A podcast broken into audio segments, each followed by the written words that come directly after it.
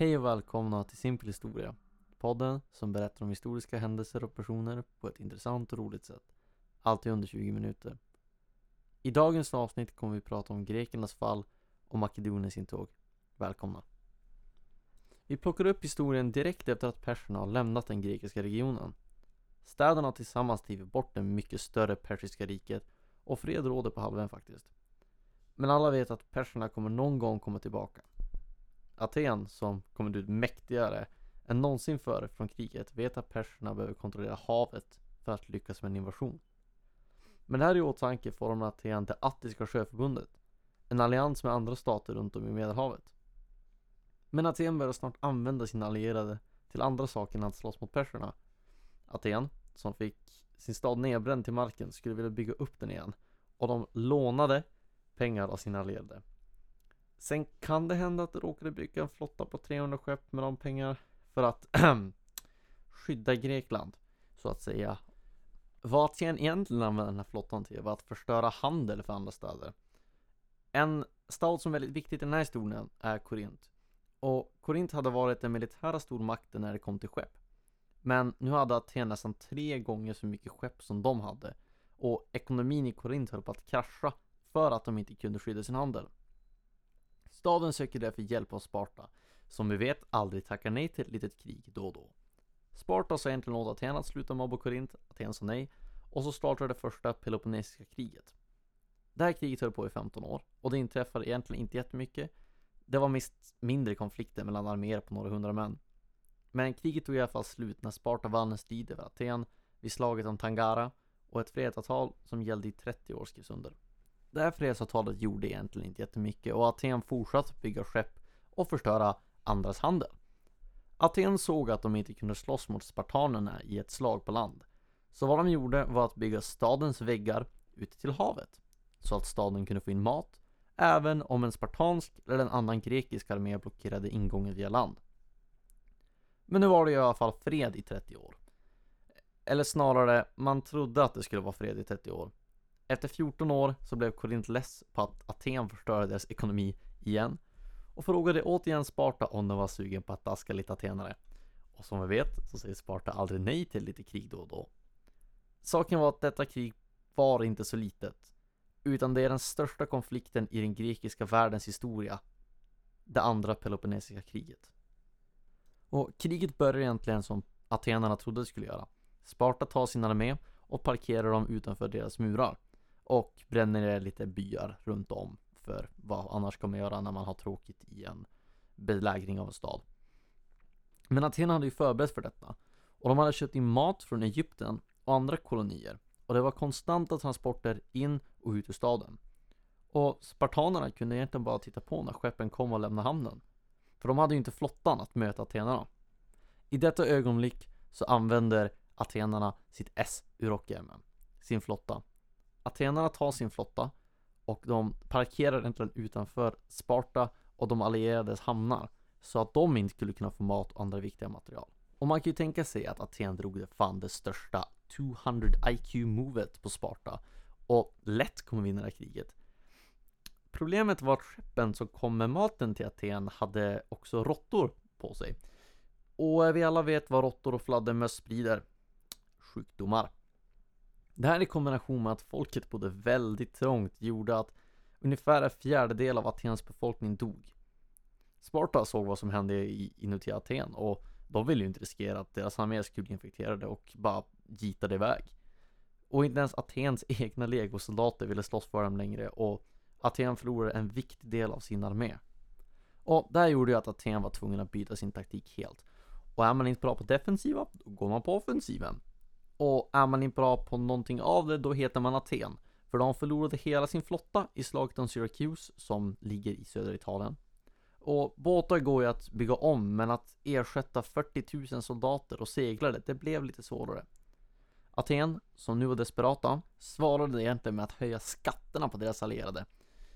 Och det här resulterade i att de flesta städerna som Aten var allierade med startade ett uppror mot Aten. Samtidigt som Sparta fick pengar av våra kära vänner perserna Som tyckte det var väldigt kul med att grekerna dödade varandra Och eftersom de själva inte var speciellt duktiga på att döda greker heller Kriget slutade med att egentligen svälta ut staden i Aten och de tvingades ge upp. Och Sparta styrde nu över stora delar av den grekiska världen. Men de kunde egentligen inte hålla sitt rikesbett länge då det fanns alldeles för få soldater för att hålla ordning. Efter det här är den grekiska världen i ett kaotiskt läge. Där Sparta och Aten förlorar mer och mer makt och den grekiska kulturen är mer splittrad än någonsin. Men det kommer en man som ska ena det grekiska folket under en flagga. På den norra delen av den grekiska halvön ligger Makedonien. Ett litet rike som inte såg som att vara lika grekiskt som de andra städerna. Landet var plågat av inbördeskrig och stammar från dagens Bulgarien. I huvudstaden Pella föds år 382 f.Kr. en liten pojke. Den här pojken är Filip den andra av Makedonien. Man vet egentligen inte så mycket om hans barndom, men man vet att han föddes in i den sittande dynastin i Makedonien. Och han hade även två äldre syskon, Alexander och Perdiccas. Makedonien var länge sett som Greklands smutsiga bakgård. De var varken greker eller barbarer och hade vissa kulturella skillnader mot de andra grekerna. Man kan se det här i Filips träning som ung, då alla makedonska pojkar blev tränade i att slåss, rida och jaga vid tidig ålder. Vad som skilde Filip åt från de andra pojkarna var att han var av kungligt blod och behövde andra kvaliteter än att bara kunna slåss. Och vid en ganska ung ålder så fick han delta i en sammanställning som kallades Symposia. Här diskuterade och debatterade makedoniska politiker om allt från legender och filosofi till politik. Filip skulle tydligen ha haft väldigt lätt för de här mötena och han hade en god förståelse för hur den makedoniska staten fungerade, vilka som var deras vänner och vilka som var deras fiender. Filips tid blev tyvärr inte långvarslad, utan vid 14 års ålder hade en av hans bröder dragits in i ett krig med staden Thebes och det var den mäktigaste staden i Grekland just då. Och i fredsavtalet så tog Thebes Filip som en gisslan så att makedoner inte skulle kunna gå in i krig med dem igen. Och man kan ju tänka sig att det här var slutet för Filip. Men Filip tog en dålig situation och gjorde den till något väldigt positivt. Han fortsatte sina studier i Thebes och han lärde sig mycket om den grekiska kultur, historia och filosofi.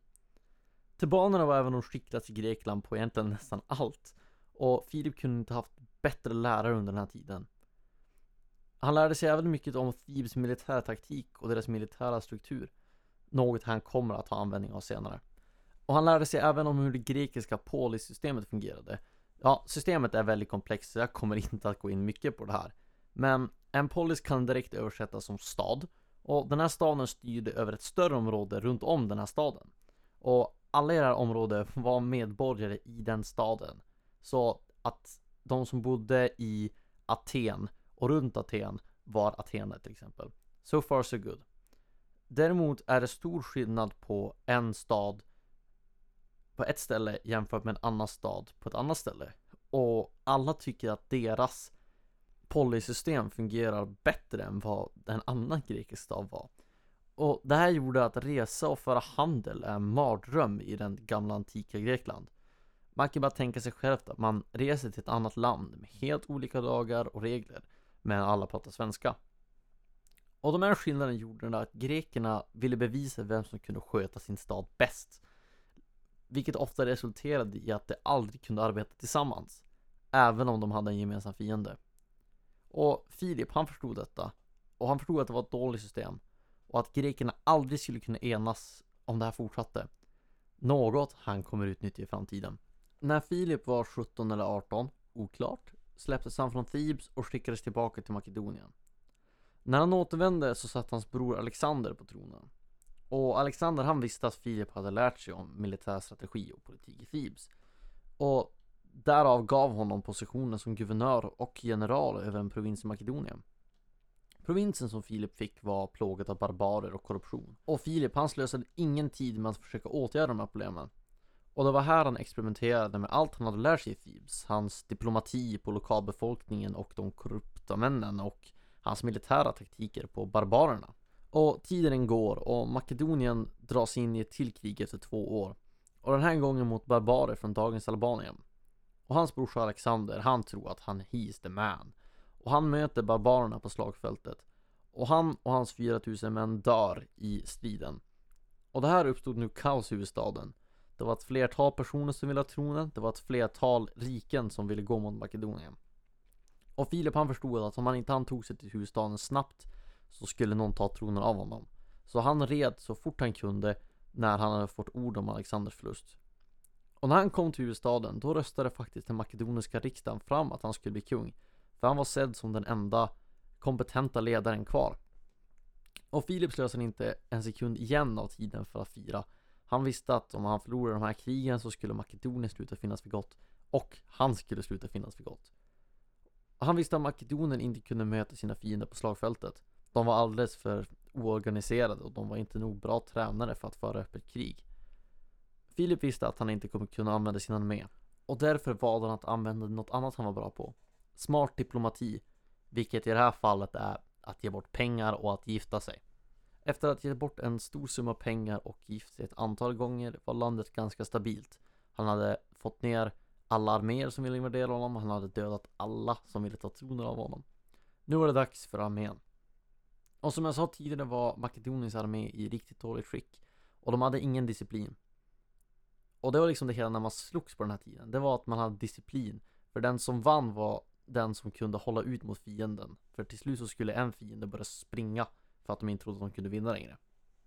Och Filip han var väl medveten om att den makedoniska armén var riktigt dålig och behövde revolutioneras på något sätt. Hans bröder hade försökt göra likt den grekiska armétypen. De ville ha stora sköldar med små svärd där de kunde slåss bra i närkamp. Filip han trodde inte riktigt på den här idén och han satsade alla sina kort på ett helt nytt koncept med ett helt nytt vapen. Filip kom på Cerissan, ett spjut som är mellan 4 till 6 meter långt och det var för att kunna attackera och försvara på ett längre avstånd. Han satte även upp sin armé i en ny formation och det här kallades en falang och den var 16 män bred och 16 män djup. Och planen var att gå framåt som en, bara en stor igelkott och inte låta fienderna komma nära de som höll i spjuten. Och det här var egentligen, det låter konstigt men det var en riktigt bra idé. För det var även smart taktiskt men även bra för moralen. För när man står så här packade och, och slåss med varandra då har man som en samhörighet och att man slåss med varandra och man vill, ja, man vill bara vinna. Eh, vilket gjorde att de fick en bra disciplin, de makedoniska trupperna. Och den här kombinationen med att ha falanger och sen sätta en kavalleri på kanterna gjorde att han hade den mest professionella armén i Greklands historia. Och med sin armé och sin son Alexander, som förmodligen inte kommer vara viktig för historien, vid sin sida, erövrade han grekerna på bara några år. Men Filipan visste att det var enkelt att vinna över grekerna, men det skulle vara svårare att hålla med schack. Så här använde han sig av sin smarta diplomati igen. Och vad han egentligen gjorde, det var att han samlade alla de som styrde de grekiska städerna Förutom Sparta, för Sparta vägrar att komma, för Sparta är Sparta. Och han förklarar den på, det här är ett väldigt enkelt sätt att förklara nu. Uh, att de bör hålla ihop istället för att döda varandra, för alla är greker. Alla ska skicka sina trupper till en grekisk armé. Förutom jag, för jag ska äga armén och med den ska vi döda perserna.